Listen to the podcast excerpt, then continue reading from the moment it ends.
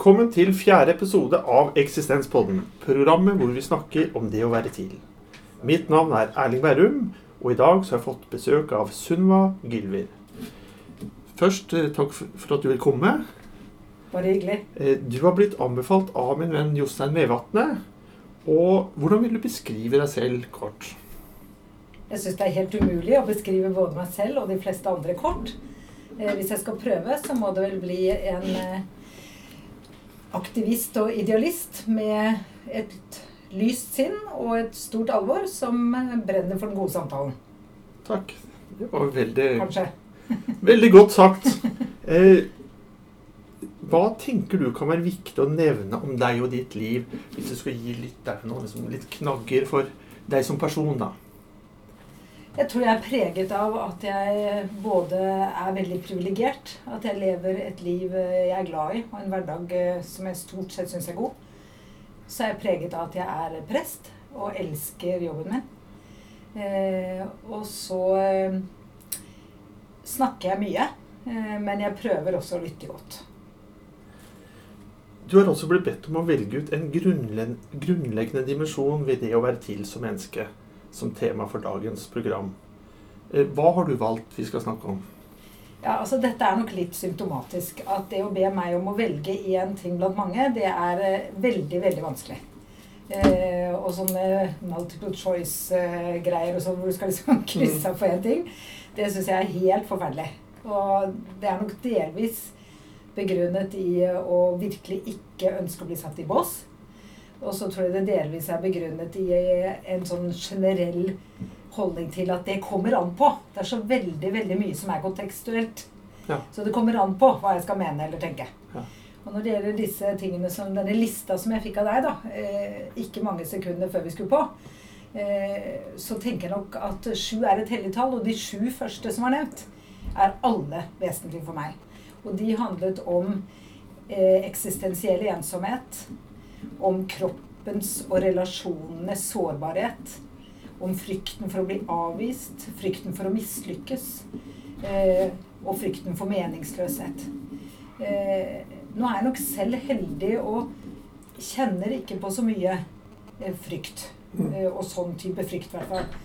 Eh, jeg har en ganske god eksistensiell beredskap, men jeg tror dette er temaer som eh, Jeg kjenner dem igjen i forhold til veldig veldig mange av de menneskene og samtalene jeg har møtt og vært i.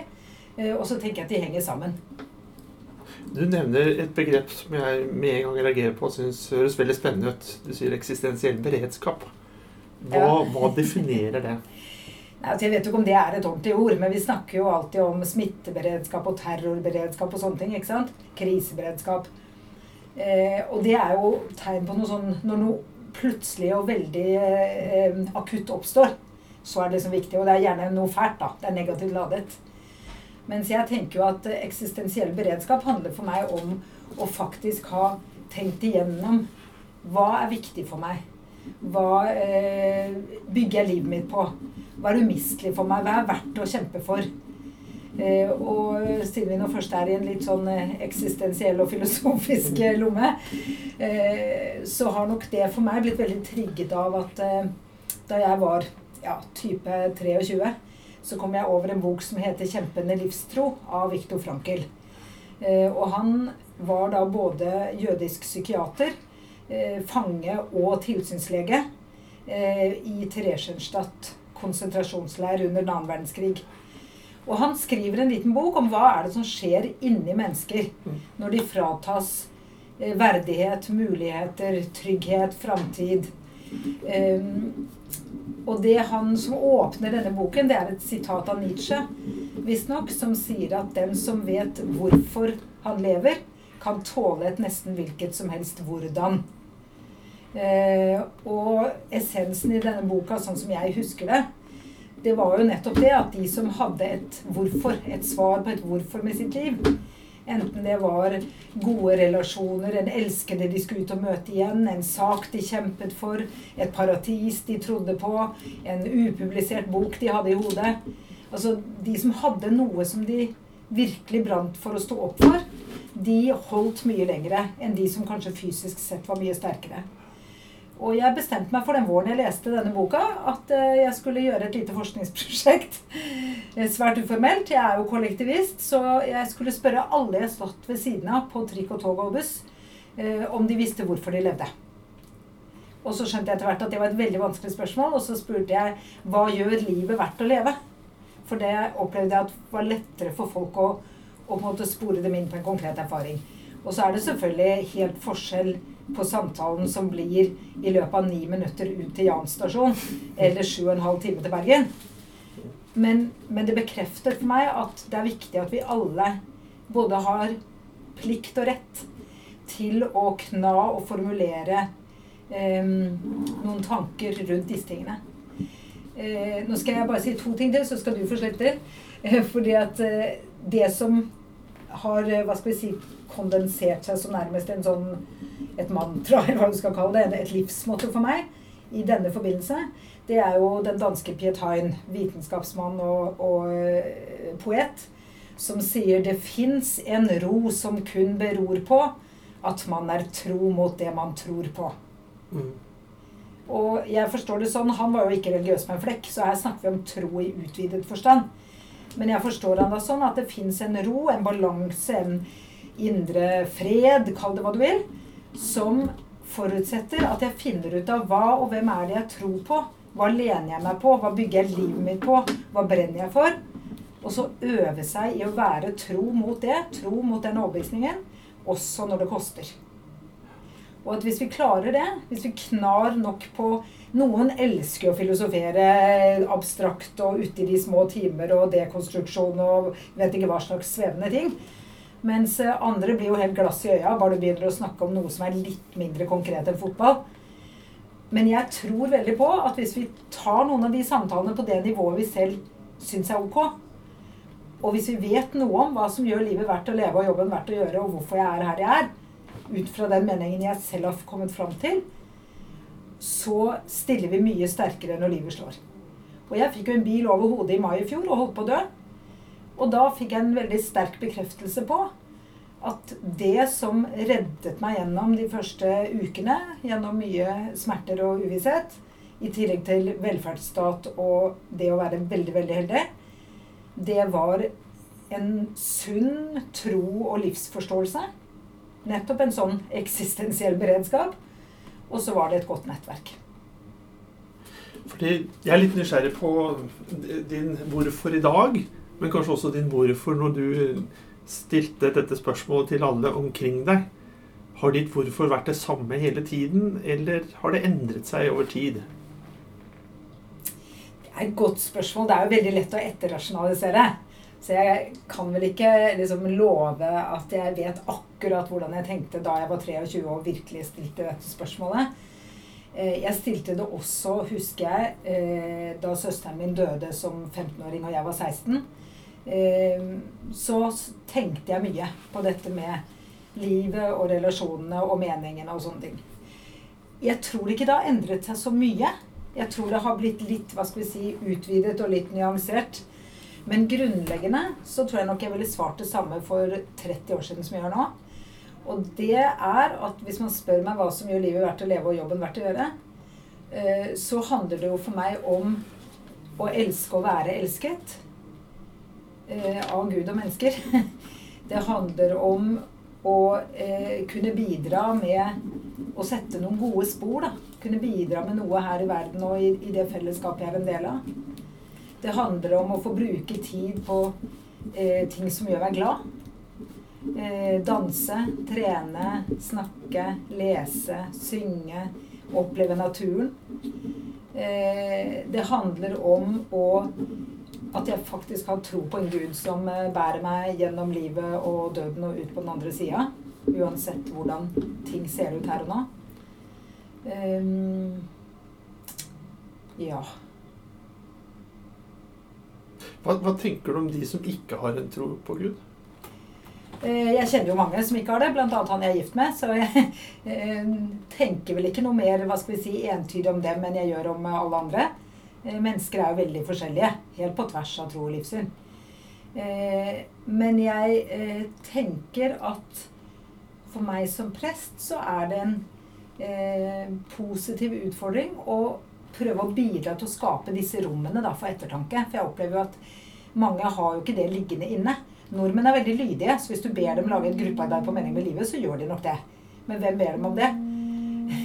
så jeg tenker det å eh, vekke folk med noen gode spørsmål, sånn som f.eks. du gjør i poden din, og, og, en del andre også gjør på ulike måter, det tror jeg på at det er med på å eh, sparke i gang noen sånne samtaler. Eh, og som da i sin tur kan gjøre at vi eh, får snakket fram vår egen overbevisning.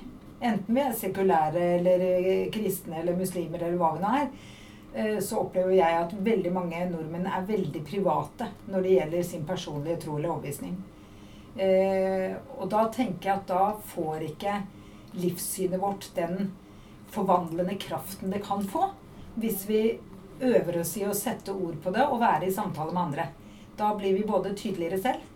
Eh, jeg, tenker, jeg, skjønner jo aldri hvor klokt jeg tenker som når jeg sitter sammen med noen andre folk som hjelper meg å snakke det fram. Eh, og så blir det jo et bidrag til at andre også kan komme lenger i sin samtale da, med seg selv og, og andre. Så eh, Har du noen eksempler på den type samtalerom? Altså jeg opplever at jeg er i dem som prest hele tiden. Jeg går jo denne T-skjorta mi med et prest på så når jeg er på jobb. Så da opplever jeg jo at alt fra bak brøddisken på Kiwi, liksom, eh, til eh, der hvor jeg hopper av trikken, eh, til Filosofikafeen, til gudstjenesten og kirkekaffen, til de mange samtalene, til sørgesamtalen, vigselsamtalen, dåpssamtalen. Altså Jeg er jo i sånne hele tiden. Det er jo nå frynsegodt å være prest, men veldig mange andre er det jo ikke. Oppfatter du at andre oppsøker deg i, i sin utvikling av egen eksistensiell beredskap? Så oppsøker de deg for å snakke med deg, for å sette ord og reflektere sammen med deg? Ja, heldigvis gjør jeg jo det. Eh, og det er jo et privilegium å få være tett på andre mennesker i, i, sånne prosesser. Og det gjør jo også at man selv blir klokere. Man lærer jo masse. Jeg lærer i hvert fall masse av de jeg snakker med. Og opplever jo også at de viser meg Gud og tro på nye måter, uansett om de er eh, religiøse eller ikke, ofte. Eh, men det er klart at som prester så har vi både en, en eh, taushetsplikt, vi er gratis, vi har et rom hvor du ofte ikke må vente så veldig lenge. Vi fører ikke journaler. og vi er ikke redde for å snakke om tro. og så har vel folk etter hvert skjønt at de fleste prester også er komfortable med å snakke om alle mulige andre ting her i livet. Ikke bare liksom en snever forståelse av tro og teologiske spørsmål, da. Men som med alt annet så tenker jeg at i samtaler handler dette masse om kjemi. Er du ikke enig i det? Altså, hvis man skal snakke om store ting, så, så handler det også om å oppleve at du får en form for kjemi med det andre mennesket. Litt sånn uavhengig av bakgrunn. Ja, jeg er enig i det. Um, samtidig så tenker jeg også at det, som, som, prest så, så får du noen plusspoeng med en gang. da. Eh, med tanke på liksom litt mer bevandret i åndelige spørsmål, og, og, kanskje den fortrolighet også som gjerne følger en samtale med prester.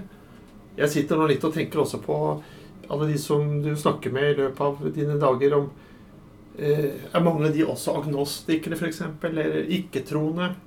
Ja, det er, jo, det er jo hele spennet. Og det er noe av det som er eh, fantastisk med eh, nettopp dette yrket, eh, og med en folkekirke, da, som vi fortsatt kalles, det er jo at det er et veldig stort spenn i medlemsmassen vår. Eh, fra mennesker som opplever troen som det viktigste i livet sitt, og som har mye ord på det og mye handlinger knyttet til det. Og til de som sier at dette har jeg nesten ikke ord på, men jeg ønsker å høre til. Eh, det er en tradisjon i min familie, i mitt nettverk, Eh, og jeg opplever å ha en tilhørighet. Og så har de kanskje ikke så mye mer ord på det enn det. Så det er jo hele spennet. Og for min egen del så eh, Jeg kommer jo nå til sommeren, så kommer min venninne Bushra og jeg med en eh, kristen og muslimsk bok i andaktsjangeren med oppbyggelige tekster som vi har skrevet ut fra hvert vårt trosståsted. Om kristen og muslimsk hverdagstro, som vi håper kan bli til næring for både liv og tro. Og mange av de jeg snakker med, inklusive da mange av mine nærmeste, har jo et ikke-religiøst syn på livet. Så, så, jeg tenker at det, det, er ikke noe hinder for å snakke sammen. Så lenge man eh, er villig til å være oppriktig nysgjerrig på den andre. Og så lenge vi bestreber at jeg, når jeg snakker med deg, bestreber meg på å ta deg i beste mening og gjengi deg på en måte som du kan kjenne deg igjen i, så tenker jeg at man kan snakke på tvers av veldig mange ulike meninger. Men det er klart, hvis jeg opplever at noen på forhånd er ekstremt eh, bestemt på at Kirken er noe dritt, og de har bare gjort kjipe ting, og hele verden er full av konflikt, og det er bare religionens skyld, så kan jeg bli litt matt i utgangspunktet. Og det er ikke alltid jeg gidder å ta den samtalen hvis jeg har hatt den veldig mange ganger. Men andre ganger så gjør jeg det nettopp fordi jeg jo håper og tror at jeg kan bidra til å nyansere det bildet. da. Jeg sitter og tenker litt med utgangspunkt i eksistensiell beredskap, som du lanserte som et veldig fint begrep.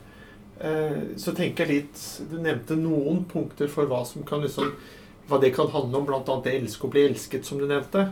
Eh, men så nevner du også dette med å, å være troende og, og, og, tro på Gud. Og jeg tenker at det Det er kanskje litt fordomsfullt av meg, men jeg, jeg tenker at det utgjør, vil, vil sannsynligvis utgjøre en viktig og stor del av din eksistensielle beredskap. Mm. Og så tenker jeg at på de da som ikke er troende, og som da ikke har den store delen, og som da kanskje sliter med å, å, å fylle opp sin eksistensielle beredskap, eller styrke sin eksistensielle beredskap, fordi de mangler den type la oss si, slutterkjennelse som kan ligge eh, i tro på Gud.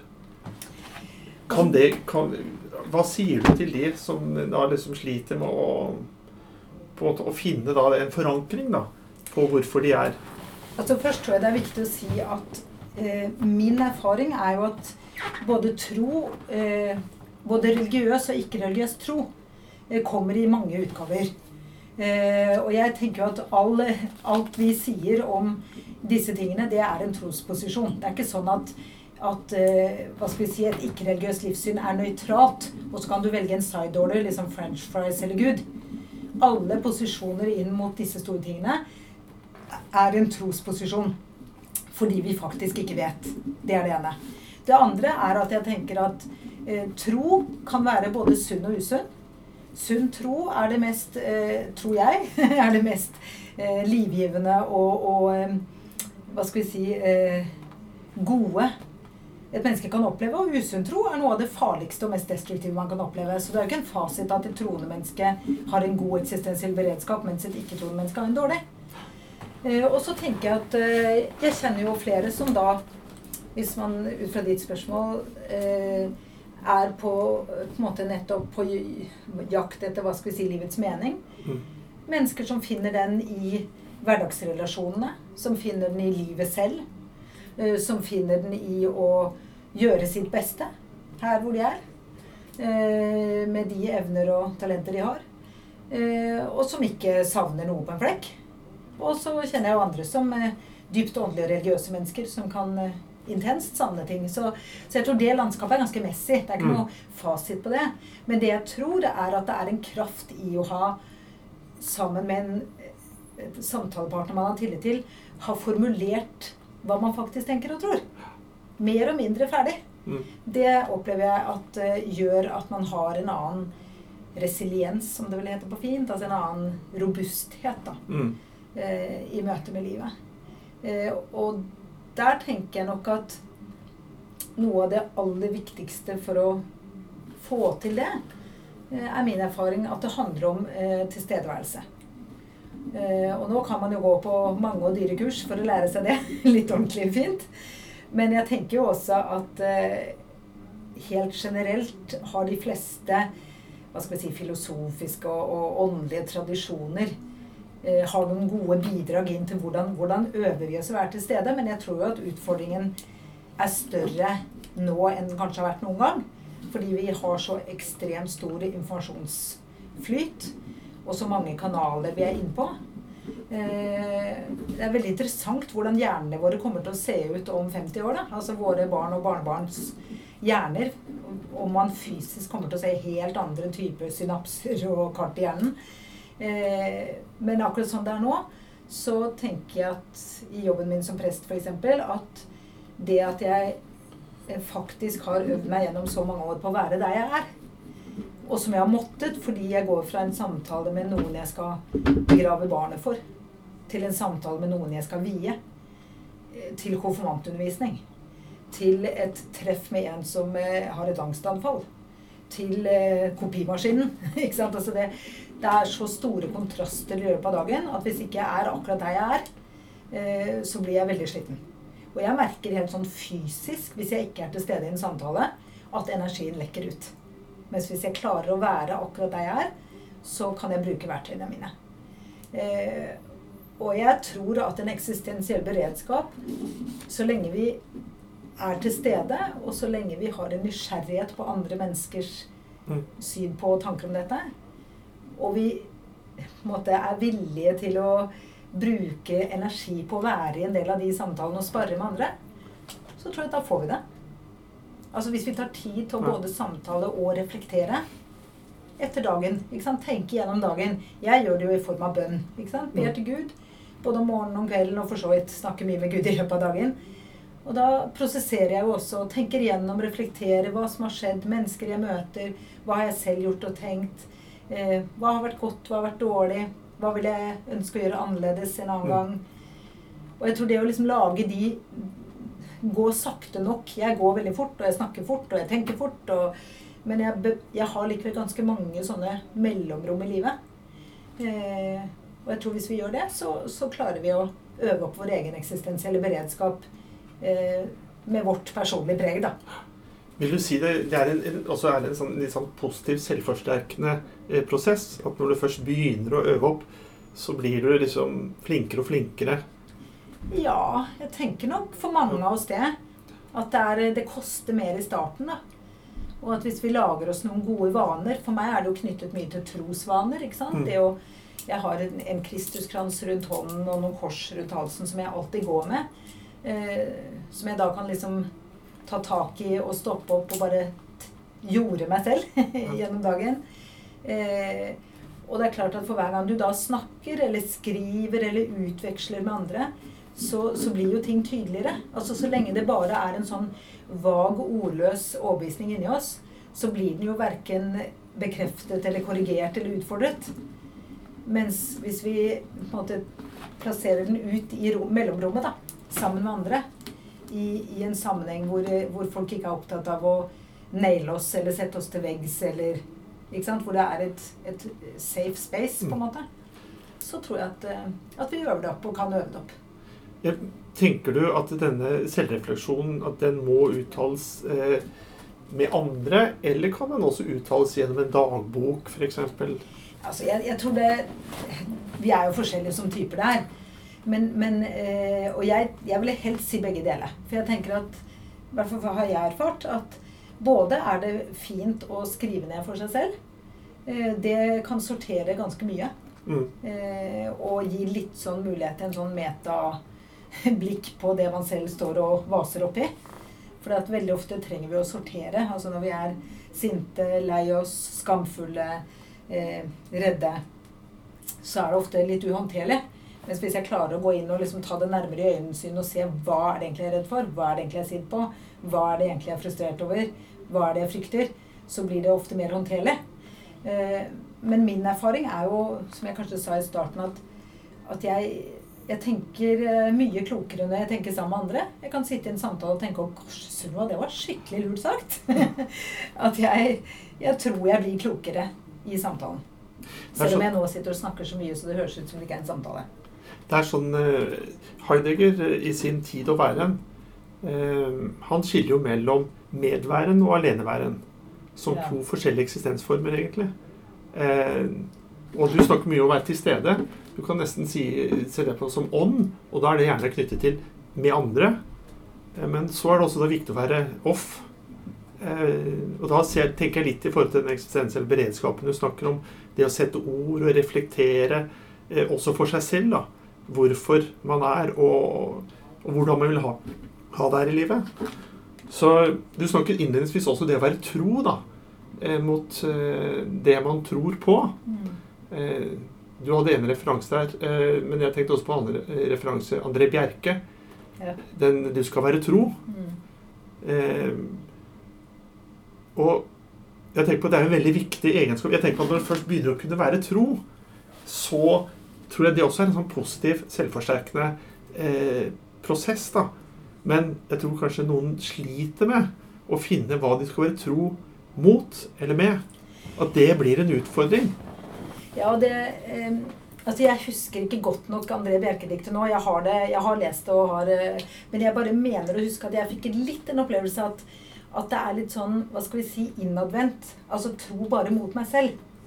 Eh, og når jeg sier å være tro mot en overbevisning, Mm. så må jeg nok innrømme at for min del ligger det også i det at jeg skal ha en overbevisning som rommer andre mennesker. Ja. Rommer fellesskapet, og hvordan jeg skal bidra inn i det. For jeg tenker nok at det er strømninger i vår tid, og ikke minst i vår privilegerte del av verden, som kan handle veldig om å være tro mot seg selv og sitt eget. Og det ene som kan bli ganske vanskelig Jeg har tre tenåringer selv, så jeg bare ser litt inn på ungdomskulturen med det også. Og det ene jeg tenker, er at det kan bli eh, Det understreker så veldig at det skal være så personlig og så unikt. Samtidig som jo vi alle ser og vet at det skal være akkurat så personlig og unikt at du er akkurat lik alle de andre. Så der, det blir en ganske stor dissonans, eh, vil jeg si på fint, mellom egentlig kravet til å være helt unik og helt særegen og, og helt personlig, og samtidig er det egentlig ikke så veldig store eh, Ofte, da. Ikke så veldig store eh, rom for før du liksom faller utenfor noe. Så det er det ene. Og det andre er jo at jeg tenker det kan bli ganske narsissistisk. Altså ganske eh, selvopptatt, selvfokusert. og at det skal handle om en type selvrealisering av mitt eget potensial. Eh, mens jeg tenker jo at eh, ofte er det avlastende hvis ikke det bare skal handle om meg selv og mitt potensial. Og som eksempel på det kan jeg jo si min eh, 17-åring som da har vært eh, fire år eh, ekstremt engasjert i Natur og Ungdom. Og hvor jeg husker vi satt i en samtale om ungdomsmiljø og dette med kroppspress, drikkepress, eh, sexpress. Og hvor hun sier, og da tror jeg hun var 14 kanskje, at Vet du hva, mamma? Vi er ikke noe opptatt av det der. Vi holder på å redde verden. Og jeg tenker det er et eller annet sånn Selvfølgelig har man lov til Det er mange som klarer å ha to tanker i hodet på en gang og både være opptatt av eh, kropp og sexpress og redd verden. Men det å ha noe som er større enn deg selv å kjempe for og bidra inn i, det tror jeg er ganske viktig for mange. Og det å bare skulle høre at du er fantastisk, du har alle muligheter, og du har både en rett og en plikt til å fullstendig utvikle ditt eget potensial, det tror jeg kan eh, også bli et ganske livsfiendtlig press, da. Litt basert på det du nå nettopp sa, vil du da si at eh, eksistensiell beredskap kan også knyttes til eh, erkjennelsen av å være del av et større vi? Å ja. Jeg tenker jo som vår eh, uformelle ypperste prest Per Fugelli sa, Mm. at vi er fellesskapt. Mm. Vi er skapt til å være del av en flokk. Eh, og så er vi det på ulike vis. Men, men jeg tror ikke så veldig på det mennesket som skal gå helt alene. Verken for dets egen del eh, eller for de andres del. Eh, og en av disse eksistensialene dine var jo både kroppens og relasjonenes sårbarhet. Og jeg tenker at hvis vi er så heldige at vi liksom alltid er helt friske og har god, godt nettverk og god økonomi og eh, god arbeidsevne, og liksom alt flasker seg, så er det kanskje i teorien mulig at du kan eh, gå høyt alene og tenke at det var helt supert. Men de aller fleste mennesker har liv som også rommer virkelig sårbare faser. Og hvor man får en sånn sterk erkjennelse av hvor viktig det er å, å være sammen med noen. Og som sagt, i tillegg er det den derre eh, det perspektivet hvor jeg får lov til å kjempe for noe større enn meg selv. Og jeg syns det er ganske tankevekkende også inn i, så vidt jeg skjønte Jeg snakket med Dia Khan, som har laget flere viktige dokumentarfilmer. Og annet den hvor hun intervjuer eh, unge radikaliserte menn. Eh, og da innenfor eh, muslimsk tradisjon, altså jihadister.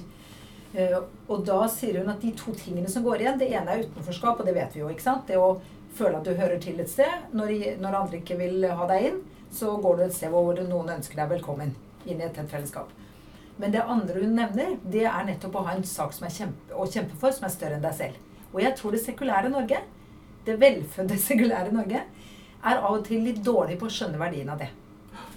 Hvis vi da skal runde av eh, med noen litt sånn konkrete tips, da. Ja. Eh, Hvis vi tenker da at det er noen lyttere som kanskje ikke er helt tilpass med sin egen eksistensielle beredskap, og, og gjerne skulle ha styrket den noe. Hvis du skulle bare peke på noen konkrete tips, hva, hva kan de gjøre da, tenker du? Altså, Folk er så forskjellige. Men det ene jeg tenker, er Tenk gjennom om du har et menneske du har tillit til. Som du har en eh, god relasjon til, enten du kjenner vedkommende godt eller litt. Eh, og be om en samtale for å snakke om dette. Et menneske som du tror kan være en rimelig god lytter. Eh, hvis ikke, så spy litt på den lokale presten din eller noen andre og finn ut av om det er en du tror du kan snakke med. Det andre er, som du sa, skriv en dagbok. Bestem deg for at du hver dag skal loggføre litt. For å rett og slett ikke prestere noe, men bare for å ta den tiden til gjennomtanke. Den tredje tingen tenker jeg vil være f.eks. å lese 'Kjempende livstro' eller eh, en, en annen filosofisk eller, eller eksistensiell bok. Hvor, spørre på biblioteket, en bibliotekar, si noe om det er dette jeg liksom er litt på jakt etter. Få noen tips, lese noe. Høre på podden din eller på andre ting som tematiserer disse tingene. Så tror jeg at ganske mye kan gi seg av seg selv. Men det er noe med å gi litt tid. Oppsøke noen kilder.